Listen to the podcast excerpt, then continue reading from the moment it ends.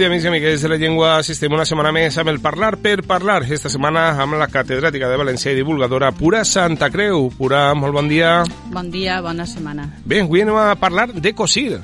Sí, anem a cosir. M'he portat la panereta amb tots Ahà. els meus fils, tisores, botons i tot allò i anem a ficar fil a l'agulla Ahà. i enfilarem el programa d'avui. Molt bé. Mira si n'hi ha.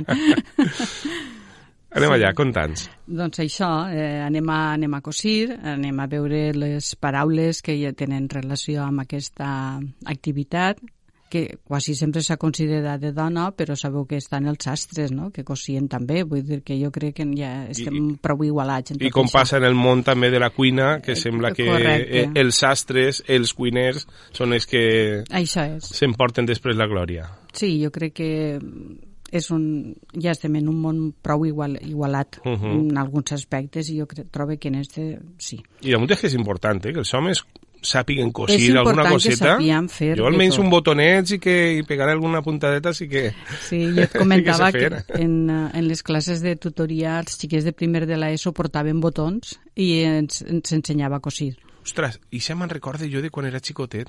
Sí, Que eh, també, sí, sí, sí, sí en moltes, l'EGB, en se els fan moltes anys. activitats amb Sí, sí, botons, sí, sí. no? Jo ja portava les agulletes, els pedacers de, trossers de tela, no? I anàvem uh. -huh. ahí juntant. I bé, com a curiositat et diré que un dia varen obrir la porta així de col perquè es pensaven que no estàvem en classe i és que estàvem Ah, tots cosint, estàvem tots concentrats, però va ser allò de que van dir, no ha vingut pura classe, en fi, pot passar, no? Sí, com sí. està l'aula tancada, i van obrir així, tots Sí, és, estos xiquets crec que ara ja estan fent carrera tots. Eren dels últims anys que jo vaig estar en l'institut, però ja, ja estaran granaets, granaets. Molt bé. Conta'ns coses. Eh, doncs això, si comencem per una ratafila de refranys i de frases fetes, doncs direm que anem ara a posar fil a l'agulla, rectes com un fil, contarem fil per randa a la història, i tot el que ens tocarà serà fer randa sense boixets. Després te dic què són els boixets, per tal de no veure's amb la randa als peus. No volem tocar-li a ningú ni un fil de la roba, ni deixar el fil eixut, ni acabar plorant fil a fil, sinó tot el contrari, sense ser cap llepafils, volem que isca tot de fil de vint. Mare meua, tu. Tres lligades, no? Jolín. Els Totes bull- ben cosides, eh? Ah, sí, clar. A mi, a mi això m'encanta. Això de lligar-los tots en un filet no? i traure i es comença a eixir-nen. Doncs eh, el que te dia del boixet eh, no es diu bolillos, va? les Clar, diuen en boixets. castellà és bolillos, però es diuen boixets. boixets. Per què es diu boixet? No és una paraula rara, simplement ve d'un arbre, d'un arbust, que Mhm. té la fusta molt, molt blaneta per a fer aquestes coses, i s'utilitza per això, i és el boix. De boix, boixet. Que Eh, tenim el cognom Boix. És que a a voltes és això... quan- el que quan- no és boix és boix boix. Vull dir que és, sí, no és una paraula tan Clar. estranya. Eh? El que és molt estrany és trobar-nos un cognom que siga Boj, que és en castellà. Mira, jo el conec. Algun n'hi ha. En conec. Algun n'hi ha El meu que- amic Jo- José López Boj. Jo tenia una alumna i ella sempre dia que cosa més rara i quan ho vàrem esbrinar i Mhm. això, diu, ai, pues està bé. Diu, igual me'l canvia a boix. Jo dic, tu eres l'ama. per mi, però tu eres l'ama. Doncs això, parlarem un poc de, del que és cosir, de les cosidores, un poc de les paraules que se gasten, no? dels objectes que se gasten en aquesta activitat. Eh, pensem que no és una activitat oblidada, sinó que arran de la pandèmia, sobretot, està molt de moda, Eh, jo així tocaria saludar al tutú del Carme perquè gràcies a ells eh, ens orienten molt en les tasques de cosir, en el patchwork, en fer calça, tot això ho porten molt bé, la veritat, i creen un ambient molt agradable que propicia les relacions entre les dones, entre els grups de les dones que anem allí a cosir. I això, la paraula cosir, va, com sempre, etimologia, ve de consuere, que vol dir una peça en una altra. Eh, suere, per exemple, és la paraula que donarà lloc a sutura, que és quan te fan en una operació, no? quan te cusen la ferida és una sutura, d'acord? Pues és el mateix, la mateixa cosa. El que passa és que cosir porta el prefix con, que vol dir amb. Per això és peça amb, a peça o pedaç a pedaç, d'acord? Més coses. Eh, poden cosir roba, evidentment, però també poden cosir llibres. Abans els llibres se cosien a mans, és a dir, es, es feia, donava el format de, de llibres. Crec que la plaça de la Malva al principi els feien així, els llibrets eren, eren manuals. Ah, pel 93 i estaven tots els fallers cosint-los. Correcte, Sí, sí. jo recordo això d'haver anat un dia i veure'ls tots cosint uh -huh. i estaven cosint el llibre. Eh, què més? Poden cosir apunyalades, o, a, malament, o a eh? gabinetades, això és més lletja, i també eh, tenim la locució tallar i cosir, que vol dir que ho fa el que vol. Este talla i cus, volguem dir, s'apanya. Eh, cosir i cantar tot és començar, i quan una persona està molt unida a una altra diuen que està cosit. No? Per exemple, els xiquets estan cosits sempre a la falda de la mare, no? on va ella va, va el xiquet. I després, com a, no curiositat, sinó una manera de ser nostra, eh, les màquines de cosir. Les cases encara estan, per què? Perquè era l'herència de les mares a les filles.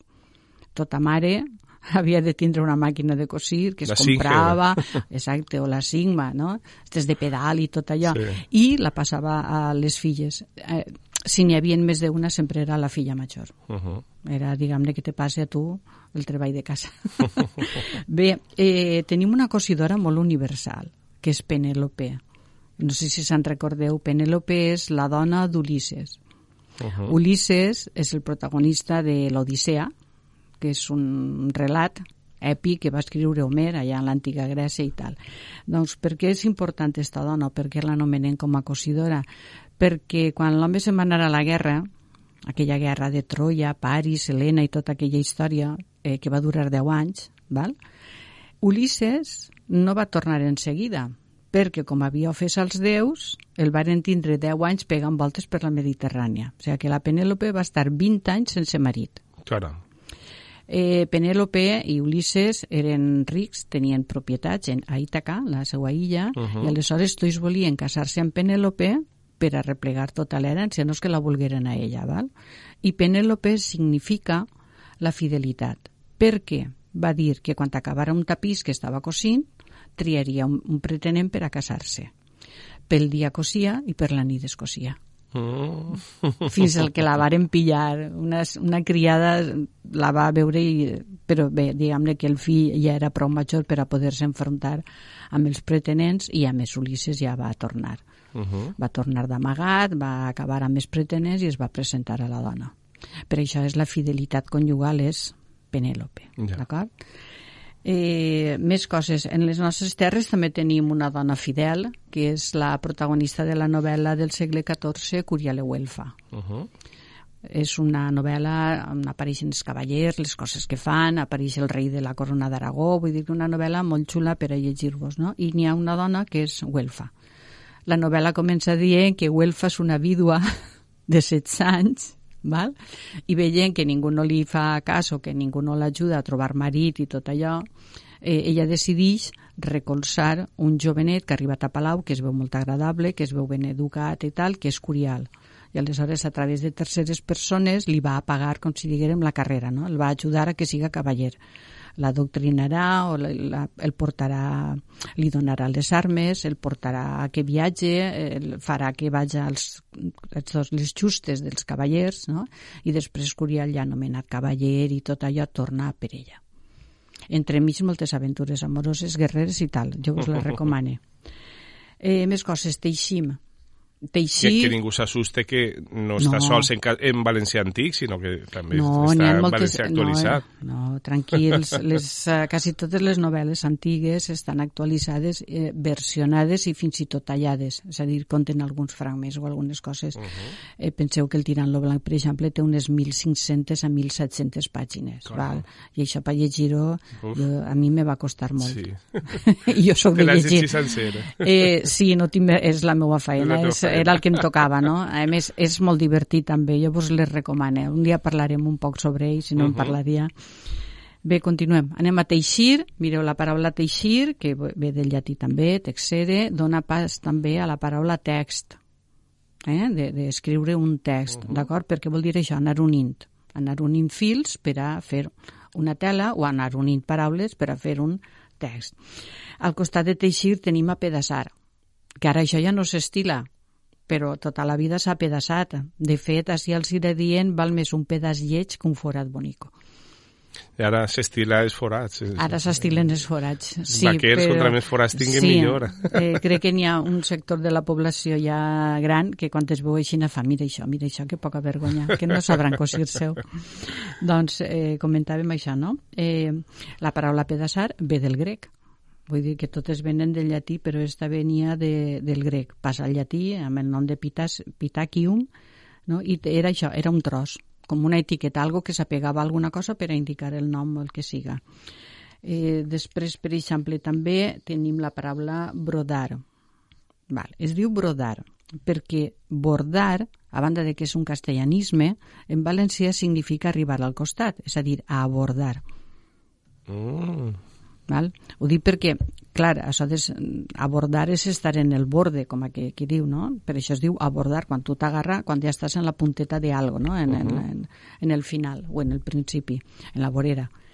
Eh, ho remarque per això, perquè molta gent diu, ai, bordar és millor que bro brodar. Val? Brodar eh, tenim la paraula brocat, brocats, que són eixes peces totes en fils d'ors i tal que se posen damunt d'una peça. Uh -huh. I en castellà està broche. Val? Vull dir que la paraula en si claro, portava el, la R. El, el problema que tenim en valencià, el problema entre cometes, és que les nostres paraules realment la majoria, per no dir totes, provenen de, de l'inici, no? En, en castellà és on han pegat alguna volteta i això és la que se'ns ha quedat en, uh, en la ment a la gent. Sí, ho comentem quasi tots els dies, no? Uh -huh. El contacte de les Molt important llengües... tot això que fas d'on provenen les paraules per a veure com sí, han evolucionat en una llengua i en l'altra. Tu vols dir-li bordar, li dius bordar, però sàpies que estàs utilitzant un castellanisme i que en valencià significa una altra cosa, uh -huh. i ja està. Vull dir que tampoc és més. Torne a dir-te que sí que la gent gasta la paraula brocat, eh, sobretot en les vestimentes dels fallers i falleres, no?, que se porten brocats i tal, sí que la gasten, però no la reconeixen a l'hora de eh, fer bonic una tela, no? que és brodar, d'acord? Eh, més coses. Per a, per a cosir, per a brodar i tot allò, necessitem, evidentment, una agulla. Uh -huh. vale. Agulla, del llatí acúcula, que és un diminutiu d'acu.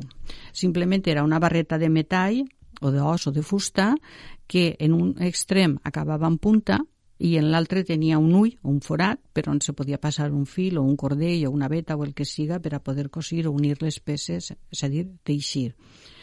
Tenim eh, moltíssimes agulles, val? l'agulla d'estendre, que tot el món diu agulles d'estendre, l'agulla saquera, que és una agulla més grosseta que les de cosir, que és per a teles més vastes, el sac, per això es diu agulla saquera.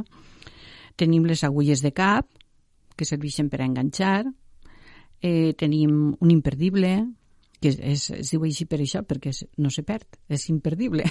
no, no li busqueu més voltes, és així. Eh, tenim també les agulles de fer calça, que aquestes sí que no tenen un ull o un forat, però són llargues i de més, i s'han utilitzat i ha aparegut en prou literatura i en alguna pel·lícula que altra eh, com unes agulles que servien per avortar. I vos ho dixe simplement, per a que ho sapieu. Eh? Estic recordant jo ara de, dels imperdibles. Tinc sí. jo un, un gran que igual el gaste per a agafar-me el caputxó en Setmana Santa, sí. que per agafar-me el faixí en moros, que dius, sí. pega bacs per tota la casa i, I sempre no apareix per algun lloc. Exacte, i si tens una caixeta no te preocupes que en tots, en tots els llocs te'n trobaràs un. Segur. passa. Eh, doncs això, i l'última agulla per dir d'alguna manera, és el punt de ganxo, eh? que és el bastó. Que ve de ganxo de, de garfio, també, eh? perquè és per enganxar.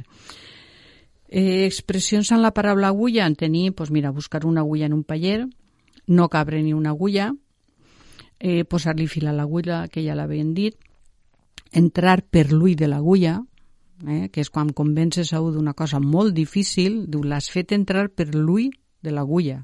Eh? Després també tenim el tindre agulles o punxes, quan estàs eh, molt de temps en un lloc i te'n vols anar, no? Tinc punxes, tinc agulles en el cul, perquè vols anar-te'n. Eh, tenim agulletes, no? quan fem molta gimnàstica i tot allò, i al Cira tenim la serra de les agulles. Uh -huh. Jo vaig sentir per, per les agujetes sí, tiretes. Agulletes. Tiretes? Sí. Crec que això era en temps de TV3, quan podíem veure TV3, recordo jo, de dir tiretes. A veure... Però ha... agulletes és correcte. Eh, la, la paraula de tindre agulletes és molt visual. Uh -huh. eh, la imatge que te dona és això, de que te punxa, eh? I t'està fent mal, t'està fent mal. Uh -huh. Bé, eh, vos ha dit la serra de les agulles, eh, que és una de les últimes muntanyes que s'incorpora al Zira perquè és, de, és posterior. Diuen que les muntanyes que tenen els cims redonets són més antigues que les que tenen els cims acabats en punta i les agulles acaben en punta. Uh -huh. De fet, la pràctica que es fa al Zira és pujar dalt a la serra de les agulles i ficar una cama sí i l'altra a l'altre costat de la muntanya, és a dir, es diu cavalganti.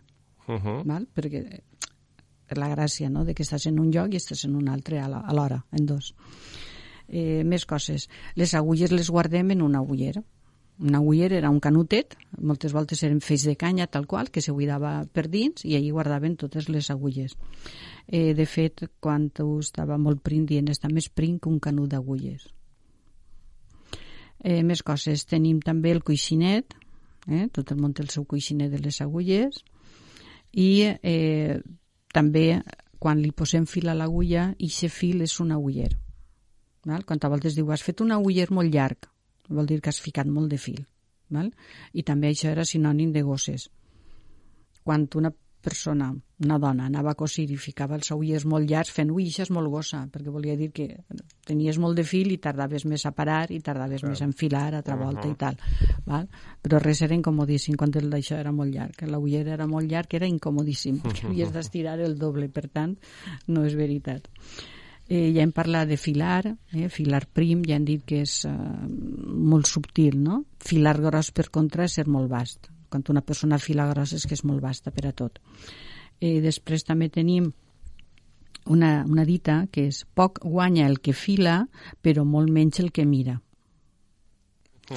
Això és bona, eh? Sí, sí. I res, aquestes paraules les trobem quasi totes en, en l'època medieval ja en els nostres textos. Eh? Jo vos he dit, n'ha seleccionat un d'Isabel de Villena, que sabeu que era l'abadesa del convent de la Trinitat, que va escriure un llibre que es diu La Vita Christi, on recolzava i reforçava el paper de les dones en la Bíblia o en l'Evangeli. No? En comptes de dir Crist va anar al Calvari, doncs diu de la pena de la mare de Crist en veure el seu fill pujar al Calvari, coses així. No? M'ho estic un poc inventant, però el que vull, dir és que li donava tota la, la importància a la Mare de Déu i a les dones que acompanyaven a Crist. Per què? Perquè hi havia una misogínia en aquella època que era per morir-se val? i ella un poc respon a això. I diu, us ajudaré a filar i teixir los bolquerets del nen. A veure, els bolquers, tots ho sabem, no? Un xique de ja? Pañales en castellà.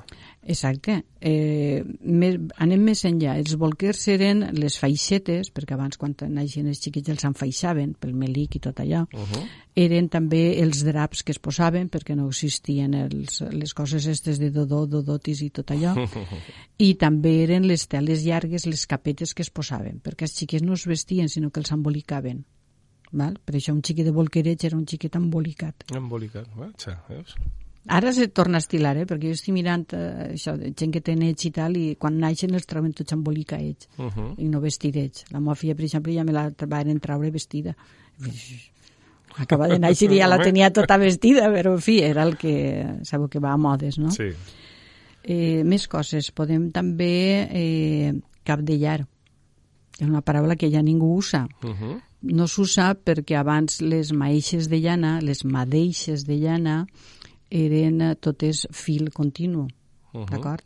I totes de xocotetes hem ajudat a les mares a cap de llar. Mos posaven en les mans així, ben tiesetes, ah, sí. mos embolicaven la maeixa uh -huh, uh -huh. i anaven rodant fins que cap de llaven i feien la maeixa redona i podien gastar-la per a, per a fer calça. Lo de les calces també era la peça aquesta medieval de les medies calces, per això es diu fer calça, perquè era pujar i treballant-ho. Més coses, tenien lo de cap de llar, que ja t'ho he dit, lo de fer calça, i també la paraula cap de llar la gastem per a moure a una persona a la nostra opinió.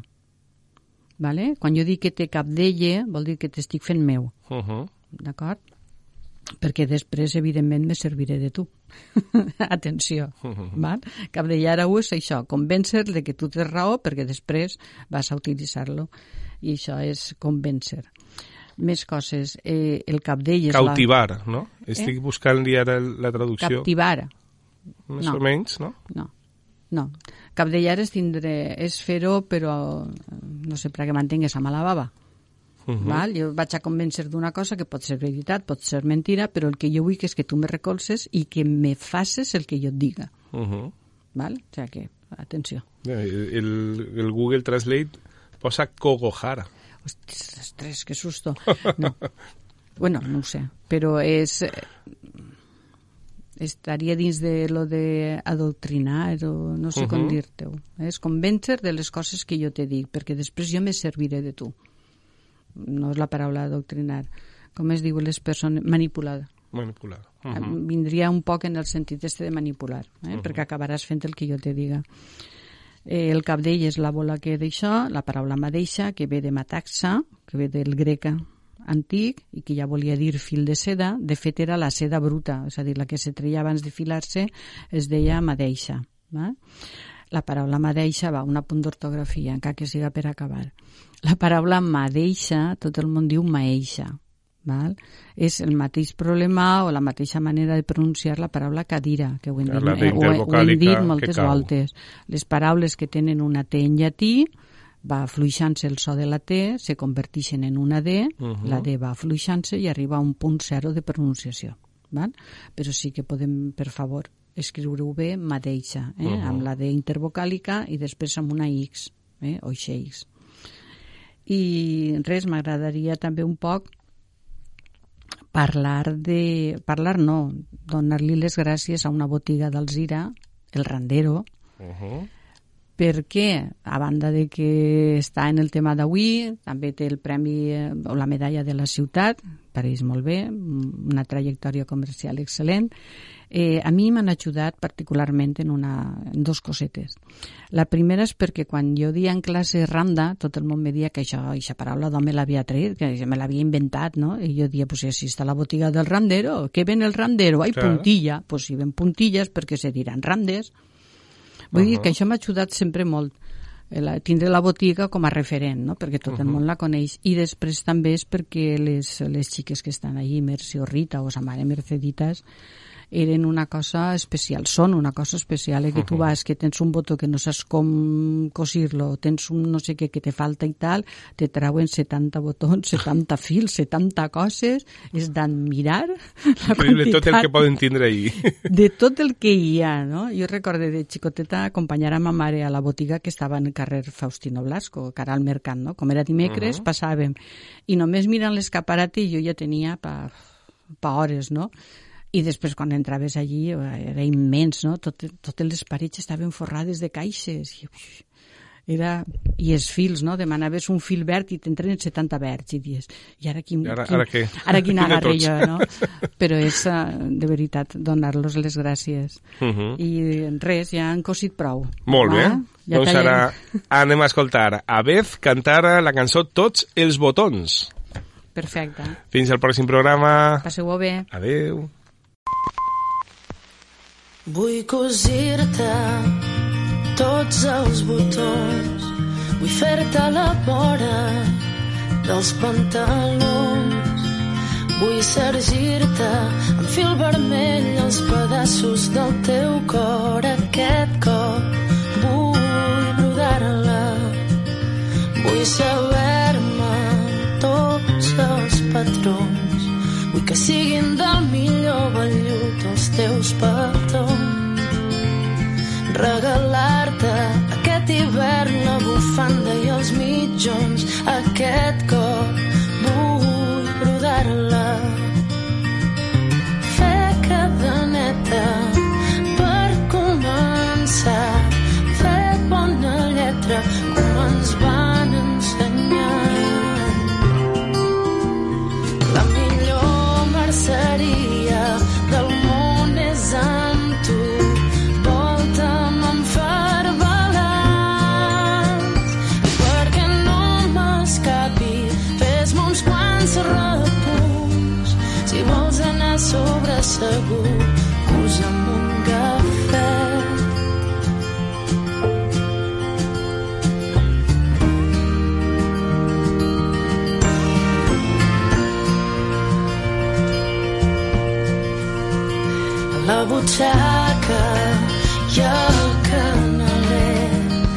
aquella jaqueta que et queda tan bé. Vull que em portis enganxadeta amb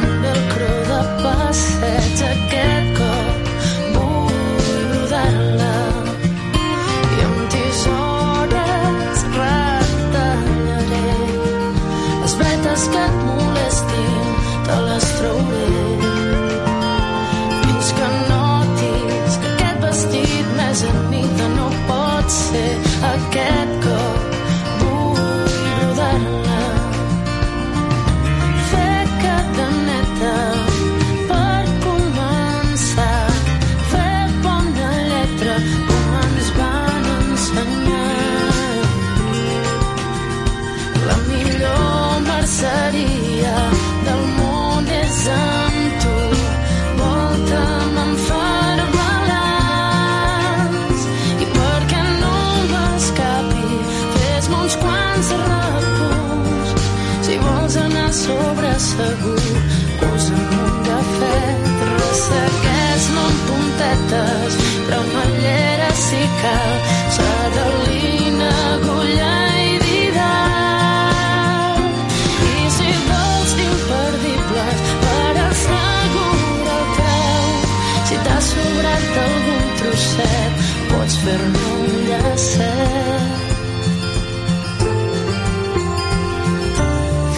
The cosas ya